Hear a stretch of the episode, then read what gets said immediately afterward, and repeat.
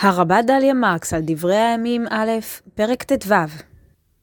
לאחר הניסיון הטרגי והכושל להביא את ארון הברית לירושלים, שעליו קראנו בפרק י"ג, דוד מאמץ גישה אחרת.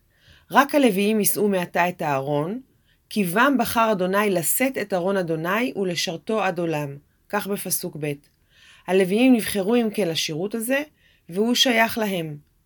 מחבר ספר דברי הימים מדגיש את שבע העדפות האל, בחירת ישראל מבין העמים, בחירת יהודה מקרב השבטים, בחירת בית דוד מתוך יהודה, בחירת הלוויים, בחירת הכהנים מקרב הלוויים, בחירת ירושלים ובחירת בית האל בתוך ירושלים. במחזה הקלאסי הדיבוק, או צריך לומר אולי הדיבוק, שחיבר שין אנסקי בשנים 1913 עד 1916, הוא כתב אותו ברוסית, ואחר כך הוא תורגם ליידיש וכמובן גם לעברית, קורא רבי עזריאל את הדברים האלה על רעיון הבחירה ועל ההיררכיה של הקדושה. גדול וקדוש עולמו של הקדוש ברוך הוא, והקדושה מכל ארצות העולם, ארץ ישראל, והקדושה מכל ערי ארץ ישראל, ירושלים, והקדוש מכל המקומות בירושלים, בית המקדש, ובבית המקדש, המקום הקדוש ביותר, מקום קודש הקודשים. שבעים אומות יש בעולם, הקדושה שבכולם, האומה הישראלית. הקדוש מכל שבטי ישראל, שבט הלוי. הקדושים מכל בני לוי, הכהנים. הקדוש מכל הכהנים, הכהן הגדול. שנ"ד, 354 ימים בשנה. שנה הירחית כמובן. הקדושים שבהם, ימים טובים. למעלה מהם, קדושת השבת.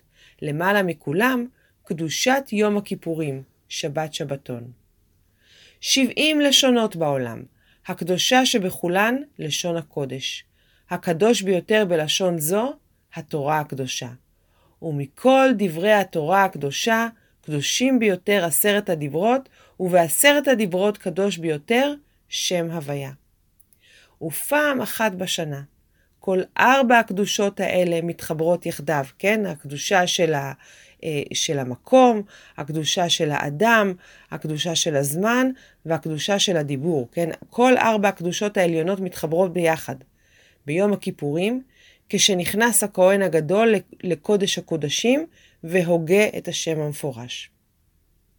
אבל מיד לאחר שרבי עזריאל מונה את ארבעת הקדושות העליונות, המקום, האדם, הזמן והמילה, ואת ההצטרפות הייחודית הסגולית שלהם ביום הכיפורים, לרגע אחד מיוחד של קדושה עילאית, הוא ממשיך בדבריו ובעצם מהפך אותם. והוא אומר, כל מקום שאדם עומד עליו, ונושא משם עיניו השמיימה, קודש קודשים הוא. כל יום בחיי אדם, יום כיפור הוא. כל איש בישראל כהן גדול הוא, וכל מילה שיוצאת מפי אדם בקדושה וטוהרה שם הוויהו. ולפיכך, כל מחשבה זרה של האדם, כל אדם, כל ירידה היא מסוכנת, וכל נפילה שלו מביאה חורבן לעולם.